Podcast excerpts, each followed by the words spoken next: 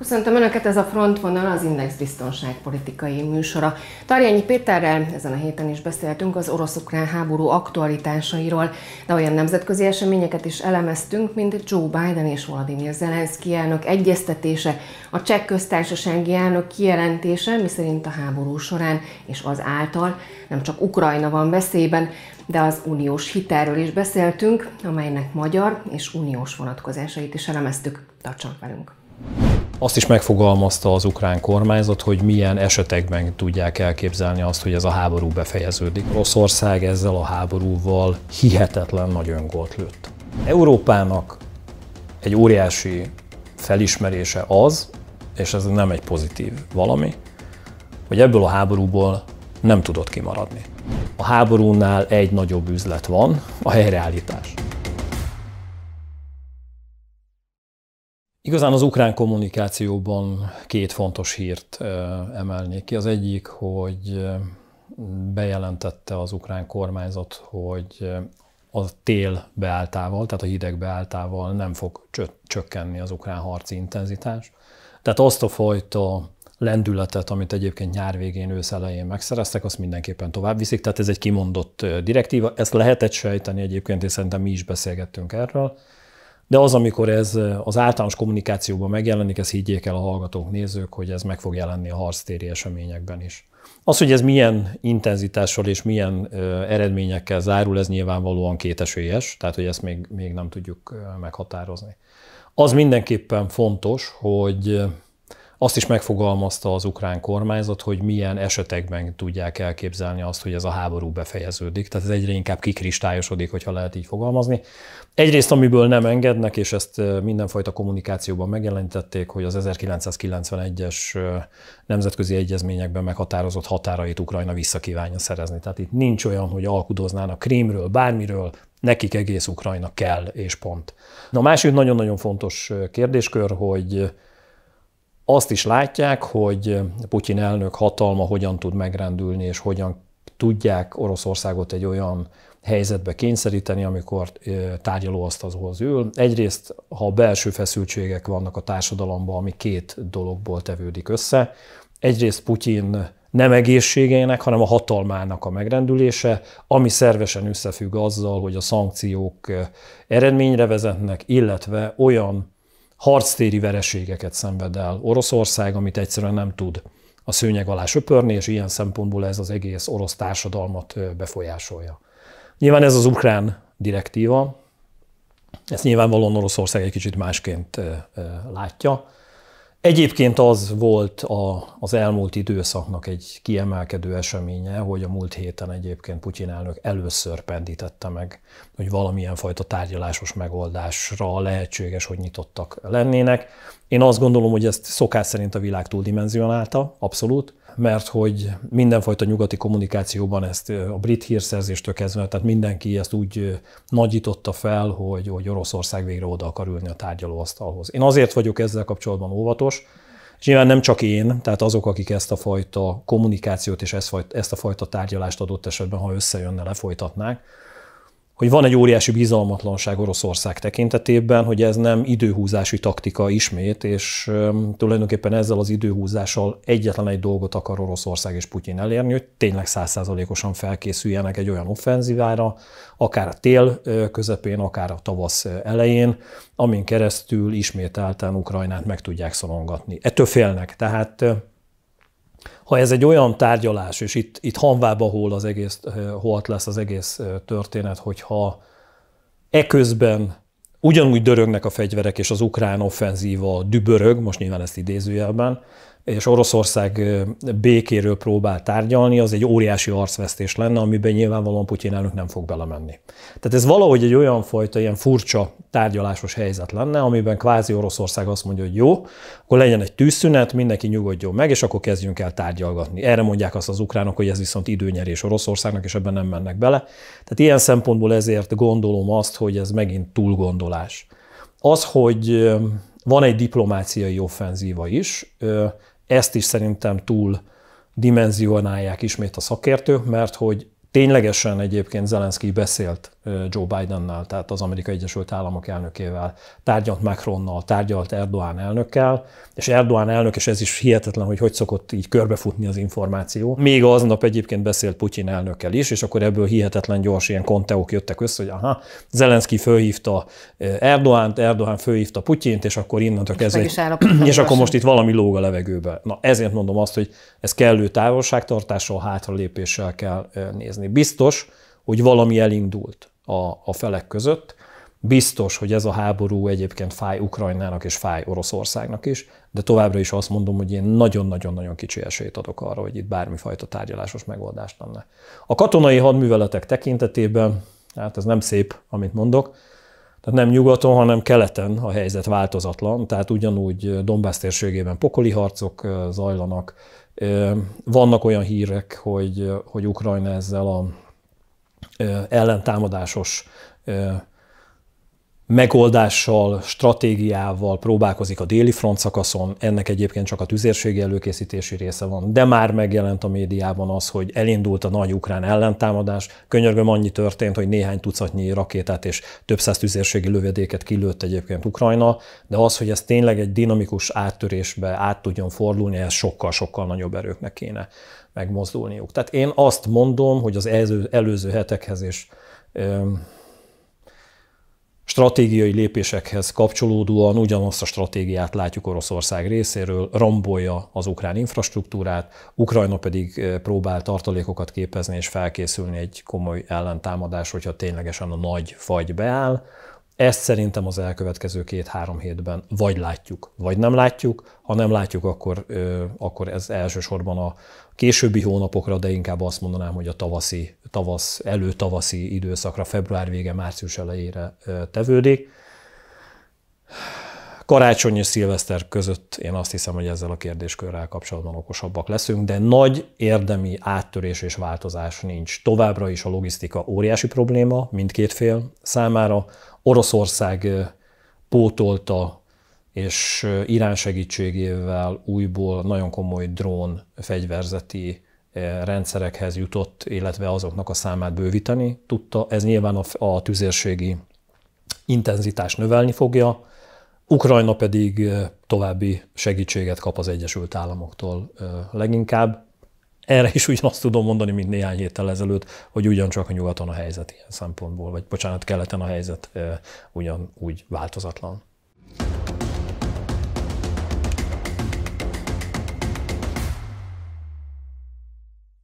Az amerikai elnökkel egyeztetett az ukrán elnök, vajon miről beszélt Joe Biden és Volodymyr Zelensky, és hozhat ez bármiben előrelépést? Erről is beszéltünk.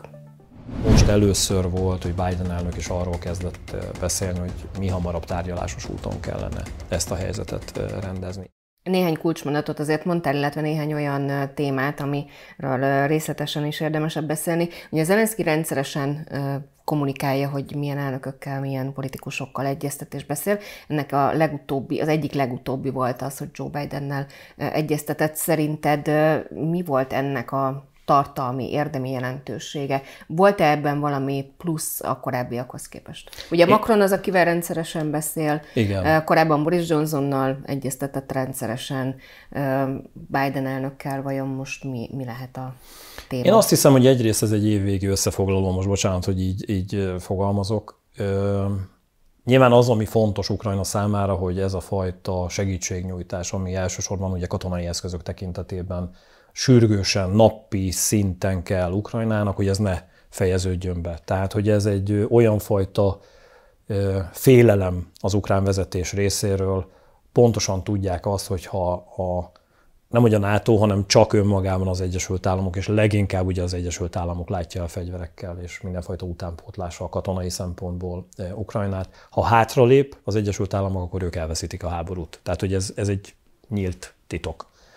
És ezt nyilván folyamatosan Zelenszky próbálja a helyén kezelni, és próbálja azt a fajta kommunikációs eredménysorozatot és nyomást föntartani egyrészt az Egyesült Államok felé, másrészt a világ felé mutatni, hogy egy nagyon-nagyon erős szövetségben vannak Oroszországgal szemben az amerikai oldalról. Ezt azért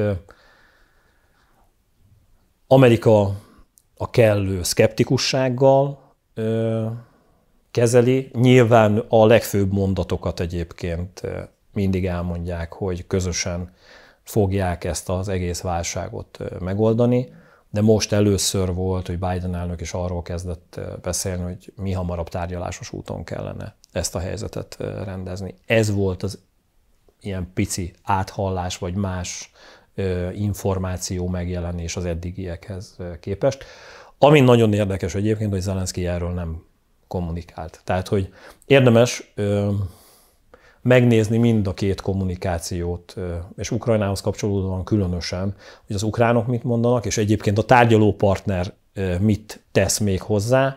Nyilván össze kell fésülni azokat a szálakat, amiben közös narratívát jelenítenek meg, és nyilván amiben különbség van, na arra kell igazán a hangsúlyt fektetni, és arra kell nagyon odafigyelni, és az ukránoknál a tárgyalás egyáltalán nem jelent meg, míg az amerikai oldalon pedig igen. De én akkor is azt mondom, amit a beszélgetésünk legelején, hogy hiába beszél erről Biden elnök, továbbra is a biztonságpolitikai félelem Putyinék időhúzásához kapcsolódóan lehet, hogy az elnöknél nem jelenik meg, de ezt higgyék el a nézők, hallgatók, hogy az amerikai nemzetbiztonsági tanácsadóknál ez a fajta félelem az orosz időhúzás kapcsán jelen van. Ezt, ezt, ezt nem lehet levetkőzni. És ezt nem tudom, hogy az oroszok egyébként hogy tudnák helyre tenni, és hogyan tudnák ezt a fajta félelmet eloszlatni.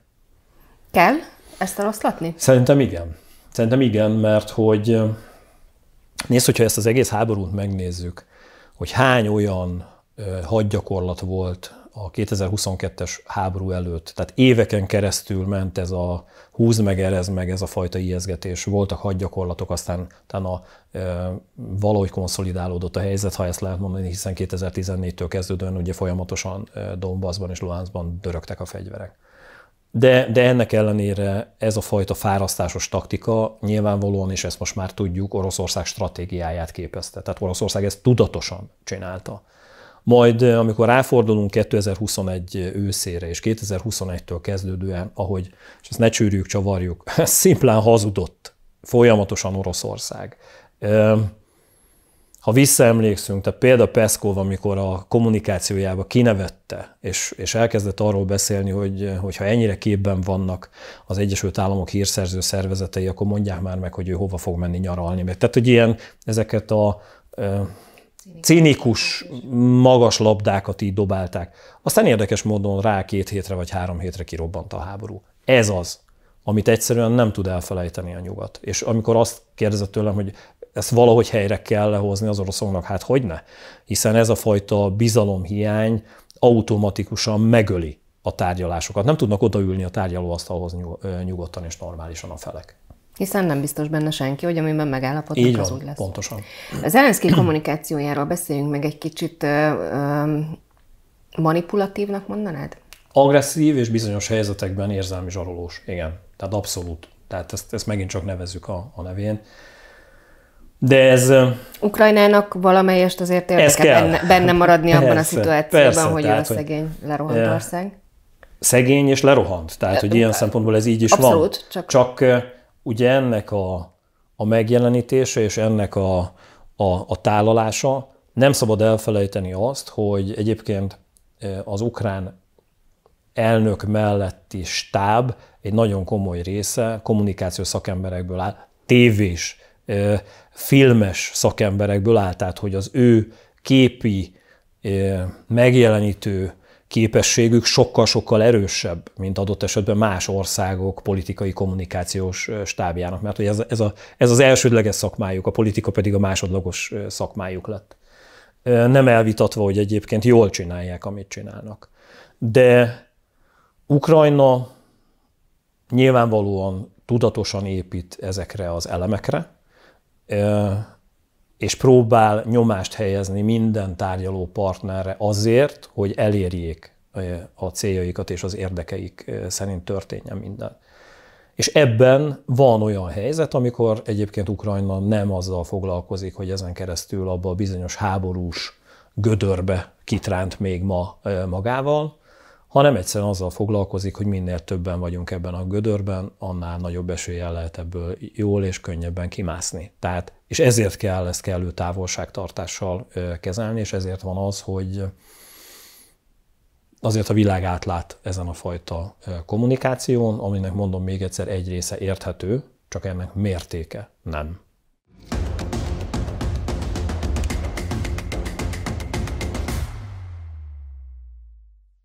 A cseh köztársasági elnök szerint az orosz-ukrán háborúval nem csak Ukrajna van beszében. Vajon valóban így van-e, és mit lehet tenni ebben a helyzetben? Erről is beszéltünk. Oroszország ezzel a háborúval hihetetlen nagy öngolt lőtt. Viszont a cseh köztársasági elnök beszélt arról, hogy kit ránthat még magával ez a háború. Ő ugye azt nyilatkozta, hogy nem csak Ukrajna van veszélyben, és hogy ő ezért is támogatja azokat a segítségnyújtásokat, amelyeket Ukrajna kap. Ugye nagyon érdekes, mert hogy ő azért nagyon komolyan Putyin barátjaként, hogyha ha lehet így fogalmazni, tehát nagyon-nagyon sokszor kapta meg ezt a, a, a jelzőt, és az, amikor Csehországban egy olyan politikus, aki mögött azért van politikai erő is, és nem csak nyugat barát, hanem nagyon komoly orosz barát erők is vannak. Elkezdenek arról beszélni, hogy ezt a háborút be kéne fejezni, és elsősorban úgy lenne jó, ha ez Ukrajna győzelmével záródna. Én azt hiszem, hogy ez egy nagyon komoly rendszerkritika és szövetségesi kritika egyébként Oroszország irányába. Nem először mondom, és ezt hittel vallom egyébként, hogy Oroszország ezzel a háborúval hihetetlen nagy öngolt lőtt. Tehát minden más lépését tekintve egyébként Oroszország az, hogy biztonsági garanciákat akart. Nem olyat, mint amit egyébként ugye 2021. decemberében bejelentett, hogy a 97-es NATO határokat hozzák vissza, és akkor tulajdonképpen a Balti tengertől az Adriai tengerig mindenki kimarad a NATO-ból, mi is, tehát Magyarország is, hanem hanem józanabb biztonsági garanciákat. Én azt hiszem, hogy ebben lehetősége lett volna Oroszországnak, és sokkal, sokkal, sokkal nagyobb mozgástere, és nem veszített volna egyébként Oroszország ennyi szövetségest. Az, hogy vannak biztonságpolitikai szakértők, akik azt mondják, hogy, hogy Irán szövetségesi rendszerében Oroszország katonailag mennyit erősödött. Ez valamilyen szinten igaz, hogyha csak a tüzérségi eszközök tekintetében, vagy a drónok tekintetében nézzük ezt. De egyébként azért azt nézzük és látjuk, hogy Irán egyébként az öböl menti országokkal, Izraellel, tehát az Egyesült Államokkal, a nyugattal mindenkivel vitában áll. Tehát elég rövid látó gondolkodás, és, és én elsősorban azt mondom, hogy ez nem szövetségesi, hanem szükségszerűségen keresztül vezető szövetségesi együttműködés, amiben Oroszország most Iránnal így összeölelkezett és összehangolódott. És ez pont azért van, mert egyébként Oroszország nagyon-nagyon sok szövetségesét elveszítette. Ez fáj Oroszországnak, mert úgy értem, hogy megérzi ezt? A politikában, biztonságpolitikában ez a könnyes szemmel törölgetjük így az arcunkat, és, és azt mondjuk, hogy jaj, de hiányzik, tehát hogy ez nem annyira jellemző kategória. Nyilván ez olyan szempontból fáj, hogy Oroszország, és ezt lehet csűrni, csavarni, Oroszország mozgástere azért szűkült az elmúlt tíz hónapban. Nézzük meg akár a G20 csúcsot, nézzük meg a gazdasági adataikat, amiben nyilvánvalóan tudtak villantani, tehát hogy az a fajta összeomlás, amit mindig bejelentett a nyugat, hogy ez be fog következni, nem következett be, de ennek ellenére Oroszország mozgástere hihetetlen módon beszűkült. Ezen, ezen, ezen egyébként szerintem nincs vita, és, és ez a része az, amiben ha csak nem egy ilyen elmebeteg rendszerben működik az egész orosz elit, amiben nem lehet azt megmondani, hogy mesztelen a király, mert hogy a, mert hogy a király önmagát tekintve nem látja, hogy mesztelen, tehát hogyha egy ilyen elmebeteg helyzetben működnek, de ezt nem gondolom egyébként Putyinról és a környezetéről, hogy ne lennének azért az alapinformációkkal tisztában. Tehát ha ez nincs, akkor, akkor szerintem ők pontosan tudják azt, hogy mennyit veszítettek. Maradjunk még egy kicsit az európai kommunikációnál, illetve reakcióknál. Josip Borrell az EU külügyi és biztonságpolitikai fő képviselője azt mondta, hogy Európának több fegyver kell. Beszéltünk már arról sokat, hogy azok a támogatások, amik, amiket kap Ukrajna az Uniótól, azok valójában mire elegendőek, illetve hogy miből tudja adni ezt, a, ezt az Unió, akár itt a, a harcászati eszközökre gondolok. És ugye arról is volt már szó, hogy hogy az utánpótlás, illetve a, a különböző haditechnikai eszközöknek a, a gyártása az azért a háború miatt pont megrekedt. Részben. Részben, és egyébként nem elsősorban a háború miatt, hanem ugye pontosan azért, mert leépítették ezeket a, a rendszereket. De egy picit hadd kezdjek messzebbről, Manki, tehát, hogy igazán én azt hiszem, és azzal szembesül most már 2014 óta Európa, hogy miközben az Európai Unió, amire kitalálták, az elsősorban, és most mindenkitől elnézést kérek, aki ilyen nagyon-nagyon mély közgazdasági elemzéseket várna, egyszerűsíteni és sarkítani fogok, hogy érthető legyen. Valójában nem egy katonai szövetség, nem egy olyan biztonságpolitikai, katonapolitikai, nemzetbiztonsági szövetség, amely hathatósan föl tudna lépni ilyen szintű háborús helyzetekkel, hanem ez egy gazdasági közösség. Gazdasági segítségnyújtásra, vámok eltörlésére, egységes pénzügyi rendszerre, és ahhoz és arra, hogy egy nagyon-nagyon jól működő, kereskedő Európa, egy fejlődő Európa jöjjön létre. Erre lett kitalálva, és egyébként mindaddig, amíg a hidegháború árnyai eltűnve egy nyugodt életet láthattunk, akkor addig ezek a helyzetek úgy, úgy egészen jól működtek. Ezért volt csábító, hogyha lehet így fogalmazni, hogy csatlakozhassunk az Európai Unióhoz, és nem csak mi, tehát, hanem Európa más országa is, kelet-európai országok is. Azt kell megértenünk, hogy az ellenségeink, ellenfeleink azonban nem így látják Európát. 2014-től kezdődően akár az ukrán helyzet, akár a krím annektálása, akár a terror hullám, akár az iszlám állam, akár az alkaida, te sorolhatnám a biztonságpolitikai kihívásokat. Egyébként az ellenfeleink Európát egy meghódítandó, egy megszerzendő, egy, egy, egy, egy, egy olyan övezetként látják, egységes ellenfélként látják, ami ellen egységesen lépnek föl. És ebben a rendszerben az Európai Unió, mint gazdasági valami, képtelen védekezni. Tehát egy ilyen bolond helyzet van, amiben az, amire létre lett hozva, az már nem jó, az, ami pedig kellene, az meg még nincs, és nem is tud lenni ilyen gyorsan. És ebben a helyzetben, és akkor így rátérve a te konkrét kérdésedre, hát persze, hogy azt mondja, amikor ilyen biztonságpolitikai kihívásokkal találja szembe magát az Európai Unió, az a vezetői elit, ami igazán a biztonságért felelős az Unióban, hogy persze fegyverkezésre van szükség, és elsősorban, amit ugye ki kell emelnünk, európai fegyverkezésre van szükség. Mert hogy azt is látnunk kell, hogy ez a háború és ez a fajta válság, illetve válságok sorozata, és rossz hírem van, válságok sorozata felé tartunk, tehát nem múlnak el ezek a rossz idők. Ebben az amerikai Egyesült Államok, illetve más, tehát például Dél-Korea fegyvergyártói hihetetlen jól keresnek. És nagyon-nagyon komolyan egyfajta monopól helyzetbe kezdenek kerülni Európában. És az nem jó, tehát pontosan egy ilyenfajta biztonságpolitikai kihívások közepette élve egy olyan valamiben élnünk, ahol egyszerűen saját magunk nem tudjuk saját magunkat megvédeni mindig valaki kell segítségként. Ugye ez a legegyszerűbb, hogy elszaladunk mindig az Egyesült Államokhoz, és onnan érkezik segítség, de ennek mindig ára van. Tehát, és ez az, amire fölhívják a figyelmet ezek a szakértők, illetve ezek a politikai vezetők, hogy Európának fegyverkezni kell, de mondom még egyszer hozzátéve úgy, hogy saját fegyverkezéssel, saját fegyverrendszerekkel, saját fejlesztésekkel, saját hadsereggel, tehát saját, saját, saját, saját. És amikor ezt mind így végigvesszük, és megint csak hátra lépünk, és rátekintünk az egészre, azt látjuk, hogy hát ennek bizonyos területeken még a csírái sincsenek meg. Semmi nincs saját. Semmi. És itt van, ez egy, ez egy bődületes felismerés, amihez kapcsolódna egyébként szerintem nagyon helyesen egy magunkba tekintés, hogy hogy jutottunk el idáig, mert hogy ez a fajta önismeret, ez ez eltűnt, mert hogy folyamatosan hazudtunk tulajdonképpen, most itt az Európai Uniót tekintve mondom, saját magunknak, mert azt mondtuk, most mondok egy konkrét példát, hogy a német hadsereg mennyire erős, aztán kiderült, hogy nem.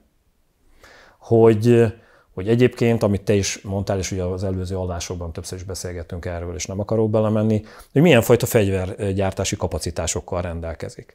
Például Németország megint csak. És Németország évek óta nem képes Lengyelországnak a kifizetett fegyverrendszereket határidőre leszállítani. Nem hetekről, nem hónapokról beszélünk csúszásban, évekről. Hogy egyébként képes Lengyelország Dél-Koreával közösen Európa legnagyobb hadseregét létrehozni. És azt mondja Lengyelország, hogy köszönjük, nem kell Németország segítsége. Majd akkor megoldjuk a dél-koreaiakkal. Hogy hogyan lehetséges az, hogy Dél-Koreában egyébként ez a fajta tudás jobban megvan a világ dolgait ismerve, mint itt Európában. Hogyan lehetséges az, hogy Dél-Korea ezt jobban látta előre, és ezek a gyártási kapacitások rendelkezésre állnak? Nem most, évek óta. És hogy egyébként ezt a bolygó tekintetében hihetetlen fegyverüzletekkel tudják e, összehozni, és egyszerűen ezen keresztül piacot szerezni. Mit csinálta közben Európa? Egy szóban megválaszolom, aludt. És most valahogyan megcsípkedve, megtáltosodva, nem tudom, hogy hogy fogalmazzak, kellene SOS-hez behozni. Rossz hírem van, nem fog menni egyik pillanatról a másikra. És ugye ez akarat oldalról is abszolút gazdasági átcsoportosításokat igényelne. A semmiből semmi lesz. Tehát ehhez forrásokat kéne teremteni, tudásokat kellene teremteni, és hát ezeket a rendszereket létrehozni, ezeket a gyárakat felépíteni, és valahogyan termelővé fordítani. Ez alaphangon 15-20 év. Ennyire megcsúsztunk.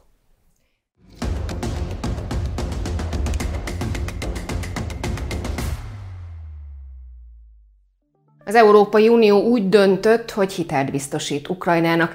Ennek magyar és uniós vonatkozásait is elemeztük. Európának egy óriási felismerése az, és ez nem egy pozitív valami, hogy ebből a háborúból nem tudott kimaradni. A háborúnál egy nagyobb üzlet van, a helyreállítás. Megvan az az alkú, amivel az Európai Unió hitelt ad Ukrajnának. Európának egy óriási felismerése az, és ez nem egy pozitív valami, hogy ebből a háborúból nem tudott kimaradni. Tehát ez látható a gazdasági háborún keresztül, vagy energetikai háború, tehát sorolhatnám, amit egyébként az Európai Unió Oroszországgal folytat napi szinten. Ez egyrészt a szankciók miatt is van, egyrészt azért is, mert egyébként Oroszország azt szeretné, hogy mindent fogadjon el egyfajta kész tényként Európa, amire azt mondta az Európai Unió, hogy eddig és ne tovább. 2014-ben is voltak ugyan szankciók, de azt összesen lehet hasonlítani a mostani hozzáállással. És nyilván azt is látnunk kell, hogy Európának ugyanúgy, hogy előbb a beszélgetésünkön így megfogalmaztam, nagyon nem mindegy, hogy ilyenfajta támogatásokon keresztül más országok mennyire jutnak lehetőségekhez, és most nagyon csúnyán fogok fogalmazni, mennyire tudják mozgatni Ukrajnát kívülről a háború után. Az Egyesült Államok nyilván nincs ingyen ebéd, azért adja ezeket a támogatásokat, mert ezeket a támogatásokat valahogyan, valamikor vissza akarja kapni. Ha az Európai Unió nem tesz ebbe semmit bele, hanem a nato keresztül valamilyen fajta támogatásokat az Egyesült Államokhoz képest nagyságrendekbe azt mondanám csorgatva ad, akkor nyilvánvalóan, amikor ennek az egész háborúnak vége van, és ezt kérem értsék a nézők, hogy a háborúnál egy nagyobb üzlet van, a helyreállítás. Akkor a helyreállításokban például, tehát csak ezt emelném ki, jóval-jóval kevesebb üzlethez tud jutni, és egyébként a gazdasági helyreállítás, a gazdasági segítségnyújtás az egyébként befolyást is jelent. Tehát ha az Európai Unió nem nyújt segítséget, akkor később egyfajta befektetésként, ha erre ránézünk, jóval kevesebb lehetősége fog bírni, mint adott esetben az Egyesült Államok, vagy Japán, vagy Dél-Korea, nem, nem sorolom. Ezért ez egy sarkalatos pontja ennek a politikának, és ebben nem az az elsődleges, hogy Oroszország ehhez mit szól, hanem az, hogy hogyan tud ebben a térségben markánsan megjelenni majd később az Unió. Magyarország biztonságpolitikai rendszereit, ha nézzük, és ez más országoknál is így van, itt is említettem már, száz éveket kell néznünk. Ha az utóbbi megközelítőleg száz vagy picivel több száz évet nézzük, minden szomszédunkkal mi harcoltunk. Ha amikor a biztonságpolitikai szakértők ránéznek egy ország kockázatra, igazán három helyzet volt, ahol hát ha így lehet fogalmazni, kicsit kockázatot érez az ember. A szimata, nevezük félelemnek. Egyrészt egy nagyon-nagyon-nagyon rossz időszaka Magyarországnak, és egy tragédiája, ugye ez a trianoni békeszerződés, aminek tekintetében ugye földarabolták az országunkat. Ezt azért tehették meg, mert ebben a térségben, Európában egyetlen olyan ország van, amelyiknek igazán valós nemzeti, vagy valamilyen fajta nemzetiségi, nyelvi, akármilyen gazdasági szövetségese nincs.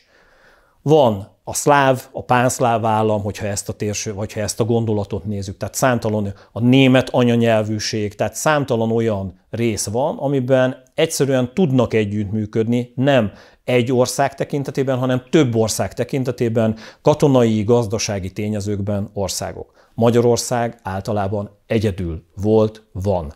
És egyszerűen az elhelyezkedésünk miatt is, most azt kell, hogy mondjam, hogyha ezt csináljuk tovább, lesz is. A másik ilyen, és ugye itt, itt hogyan tudtuk a háború után ezt, ezt helyrehozni? Egyszerűen a világ békét akart. Nem volt érdeke a közép-európai térségnek az, aki santantnak elsősorban, hogy egyébként egy háborús övezet létrejöjjön, miközben egyébként azt láthattuk, hogy Románia nagyon komolyan Magyarország egy részét elfoglalta, ugye a Tiszáig, sőt ugye Budapest utcáin is voltak egyébként románok. Az egy óriási szerencse és egy tudatos politika, hogy egyébként Magyarország akkor önálló tudott maradni. A második ilyen nagy válságunk a második világháború zárultával történt. Előtte, bocsánat, úgy tudtuk ezt korrigálni, hogy együttműködtünk nagyon komolyan Németországgal. Tehát volt egy tudatos szövetségesünk. A háború után, a második világháború után egyszerűen a Szovjetunió azt mondta, hogy nem akar balhét ebben a térségben. És igazán a Szovjetunió biztosította azt, hogy a kisantant országok ne essenek Magyarországnak. Az a fajta megszállás nyújtott nekünk védelmet, nyakatekert logika, de igaz, amin keresztül a Szovjetunió tartott rendet. Ez az, ami egyébként 1989-el, 90-nel, 91-el megszűnt. A 90-es évek közepén, erről nagyon kevesen beszélnek itthon, az akkori biztonságpolitikai és nemzetbiztonsági szakértők féltek attól, hogy egy olyan helyzetbe került Magyarország, amiben az látható, hogy igazán nincsen a régi kisantant országokhoz kapcsolódóan olyan fajta szövetségesi rendszerünk. Ott állt önmagában Magyarország, ezért volt szükségünk a NATO-ra. És egyébként döbbenetes, hogy a 90-es évek elején két szövetséges felé lépett Magyarország nemzetbiztonsági szempontból, Ukrajna, elsők között voltunk, akik az ukránokkal együtt működtünk, pont azért, mert azt éreztük, hogy ők valami hasonló helyzetben vannak, nagyobb országban, nagyobb népességgel, mint mi. A másik ország pedig Lengyelország volt. És itt jutunk el a ma helyzetéhez, hogy egyébként nincs olyan ország, akivel neveztünk volna össze így az elmúlt időszakban a szövetségesi rendszerünkben, és azok közül is, akiket egyébként a 90-es évek elején szövetségesnek mondhattunk magunk mellett, itt gondolok Ukrajnára és Lengyelországra. És, és itt a két logikához kapcsolódóan, és ezért mondtam, hogy ez összetalálkozik. Egyszerűen azt nem érti a ma kormányzata itthon, hogy hiába mondja azt Oroszország, hogy egyébként ők a térség meghatározó országaként mindenkire nyomást tudnak gyakorolni. Magyarország nem Oroszországgal lesz határos. Akkor sem, ha Ukrajna ezt elveszíti, ezt a háborút. Mert egyszerűen Oroszország, és ez is egy döbbenetes felismerés, miközben a világ attól tartott, hogy simán eljut az Atlanti óceánig, Franciaország partjaig, igazán Herszont nem volt képes megtartani, és Kijevet nem képes bevenni.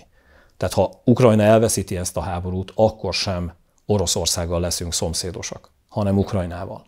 És ezért döbbenetes az a fajta logika, vagy logikátlanság, amiben nem ismerjük azt fel, hogy hiába történik bármi is ukrán vereség oldalról, nem tud úgy segíteni nekünk Oroszország, mint ahogy egyébként Ukrajnához kapcsolódóan akár a kárpátaljai magyarok, akár egyébként Magyarország szembe találja magát egy helyzettel. És egyébként vegyük a másik részt is, mi van abban az esetben, ha Ukrajna győz. Igazán akár nyer, akár veszít Ukrajna, Magyarország helyzete nem jó biztonságpolitikailag ebben a helyzetben. És, ami nagyon lényeges, miközben azt látjuk, hogy Lengyelország, vagy láttuk Lengyelország partnerünk, most az orosz barátságunk miatt ez a partnerség és, és barátság is repedezik. Számtalan dologban nem, tehát az Európai Unió belső harcaihoz kapcsolódóan nem, de ebben a külpolitikai kérdésben nagyon-nagyon másként gondolkodunk, mint a lengyelek, és ez a lengyeleknek piszkosul nem tetszik. Tehát ebben a helyzetben én azt mondom, hogy ez egy nagyon-nagyon rövidlátó gondolkodás, amiben most a magyar kormányzat gondolkodik. Vannak olyan részek és lépések, amiben én magam is egyébként azt gondolom, hogy helyesen döntött a magyar kormányzat. Az, hogy egyébként nem mentünk abba bele, hogy innen fegyverek menjenek Ukrajnának, én ezt biztonságpolitikailag el tudom fogadni. Ténylegesen van valamilyen fajta hatása a tekintetben, hogy Kárpátalja nem vált háborús övezetté, ami az ott élő magyaroknak szerintem nagyon-nagyon fontos. De egyébként, ha nagy léptékkel nézzük ezt az egész helyzetet, azt kéne megértenünk, hogy Ukrajna sokkal inkább partnerünk kell, hogy legyen, és az elkövetkező években sokkal inkább jobban itt lesz az életünkben, mint adott esetben Oroszország. Oroszországra tettünk kormányzati oldalról, és én azt hiszem, hogy ez nem jó út, nyilván ez az én véleményem. Ennyi volt már a frontvonal, jövő héten évvégi összefoglalódással várjuk majd Önöket, remélem velünk tartanak akkor is. Addig is a szokásos módon várjuk észrevételeiket és kérdéseiket Facebook oldalunkon, valamint YouTube csatornánkon. Viszontlátásra!